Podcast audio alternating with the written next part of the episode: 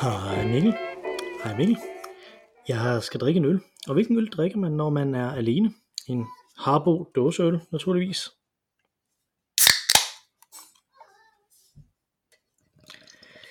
Den er øh, ganske normal, og vel ikke noget specielt andet end at have sin effekt, og gøre mig en lille smule beruset, og så i øvrigt være afkølet læskende. Jeg må smage på druen. Ja, den, øh, den er der sørme. Den performer. Ikke mere eller mindre, men er til stede og leverer der, hvor den skal.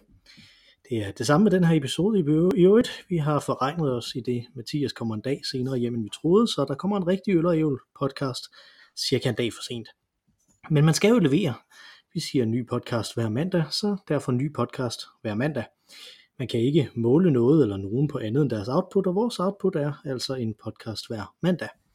Vi kan undtagelsesvis så lægge en ekstra ind også om tirsdagen, som vi gør på tirsdag, men vi kan ikke underperforme.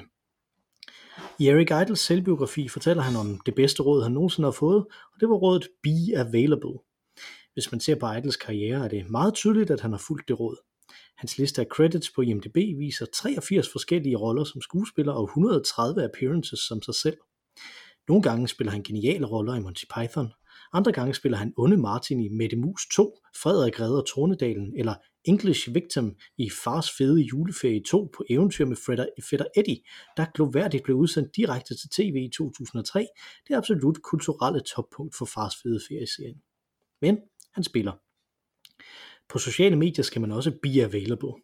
Der er en håndfuld af specielt midalderne hvide, hippe mænd, der storsprayer Twitter med tweets om alt, hvad der sker i verden, indimellem det content, som man egentlig følger dem for med alle de tweets skal helst ikke noget andet end sådan mildt at gøre opmærksom på, at de er til stede, og samtidig findes indimellem det, det tankevækkende, sådan mere dybsindige indhold, som de laver. Det er fascinerende at se, hvordan de kan tweete en joke om et aktuelt emne, opdage hurtigt, at den ikke er så harmløst til stede, som de troede. Den siger rent faktisk noget sådan ofte enten politisk, sexistisk eller racistisk, så de skynder sig at slette den, inden folk reagerer på den. Så kan de erstatte den med noget harmløst i stedet for, sikkert sådan et eller andet småsjovt ordspil, som de ironisk selv kan omtale som onkelhumor. Jeg siger de, men jeg gør det også. Man bliver fanget i systemet og tænker, man skal performe og være til stede.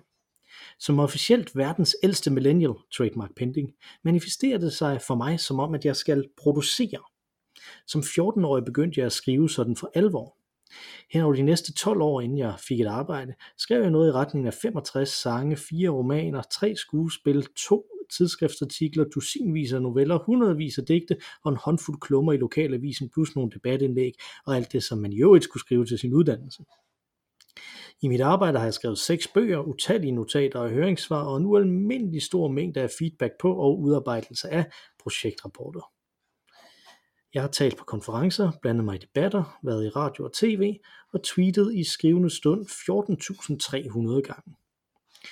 Man skal hele tiden producere, og alt hvad man laver skal omsættes til produktion. Det er derfor, der er så mange podcasts som at se film og snakke om dem bagefter. Eller Instagram-kontorer med billeder af det mad, folk spiser, eller det tøj, de tager på. Hvis du ikke lige kan producere noget, mens du laver noget, det er trods alt ikke så stort et marked, der er for Instagram-profiler om opvask, eller podcasts indspillet, mens man lurer haven, så kan du i stedet lære noget. Lyt til lydbøger, mens dit knæ bliver gjort til. Lav dine Duolingo-øvelser, mens du sæbet ind i opvaskebaljen. Catch up on your podcasts, mens du er i bilen. Jeg plejede at gå rundt med en notesbog hele tiden og skrive digte ned over det hele. Det føltes meget boemagtigt og kunstnerisk pludselig blive overvældet af inspiration på Tate Modern og trække notesbogen frem, skrible noget ned og så have et digt. Nu virker det nærmest lidt perverst. De siger, at alle gerne vil være forfattere, men ingen gider at skrive bøger. Og det er det samme her. Skabelsen bliver performativ. Man skal skabe noget hele tiden, og igen, for at være til stede. Der er ikke den nyttesløse glæde i selve handlingen, selve skabelsesakten tilbage. Vi tager alt det, der er intrinsisk motiveret, alt det vi nyder ved at være os selv og ved at være i verden, og gør det ekstrinsisk motiveret, afhængigt af markedet og performance. Be available i stedet for at være til stede. En af de gange, jeg havde min notesbog med, var i toget, hvor jeg sad over for en kvinde, der også skrev digte. Hun arbejdede meget tydeligt dybt seriøst med det. Der dukkede noget op, der kunne komme i notesbogen, så det skyndte jeg mig at gøre. Et banalt digt, tror jeg, om at observere hende digte. Jeg var glædet frem og tilbage med den mærkelige blanding af selvsikkerheden, der kommer jeg at være en ung, flot hvid mand, og den manglende selvsikkerhed, der kommer jeg at gætte, at man en dag bliver en halvfed, småskaldet, midalderne hvid mand. Men til sidst rev jeg digtet ud af notesbogen og lagde det foran hende, i det jeg rejste mig op for at stå af på min station. Hun stirrede forbløffet efter mig, men ingen af os sagde noget, og jeg skulle skynde mig af. Da toget rullede ud fra perronen, fandt hun mig fra vinduet. Hun havde læst digtet. Vi var begge unge og banale, ligesom digtet, så hun sendte mig et fingerkys, og jeg sendte et tilbage. Hvis man havde gjort det i dag, så havde jeg skrevet mit Twitter-handle på sædlen, jeg havde taget et billede af digtet, så jeg kunne recitere det her i podcasten og poste på Instagram. Vi havde connectet, og jeg ville have en håndfuld historier om hende, som jeg kunne producere ud fra. Fortælle dem her, eller i noveller, eller i andre digte. Dengang, der gjorde vi ikke sådan noget. Dengang var alting ikke bundet op på performance, skønt noget selvfølgelig var, men netop kun det der var performance.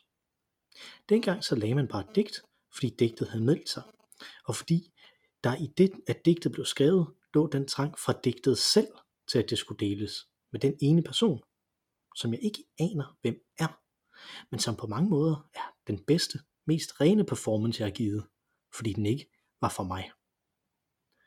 Vi hedder Øl og Ævl. Der er en normal episode tilgængelig senest tirsdag morgen. Man kan skrive til os på olugavl.gmail.com med ros, ris, lytter ønsker og forslag til vores top 5 lister, eller tweete til os på snablag olugavl, Og med disse ord vil jeg overlade ordet til Mara Rainey med vores fantastiske temasang. Take it away.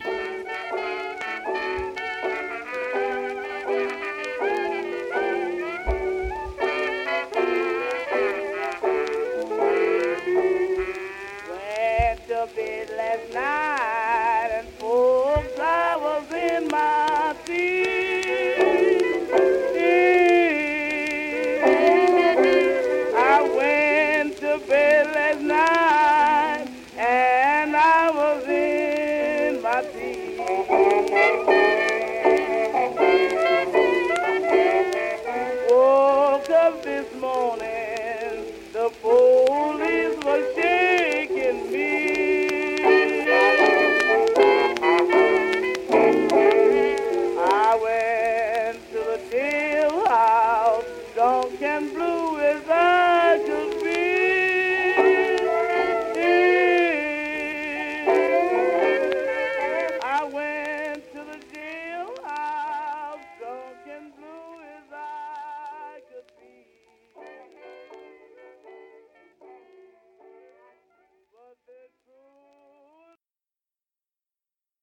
Man Man glemmer glemmer altid altid tulipanerne. tulipanerne, men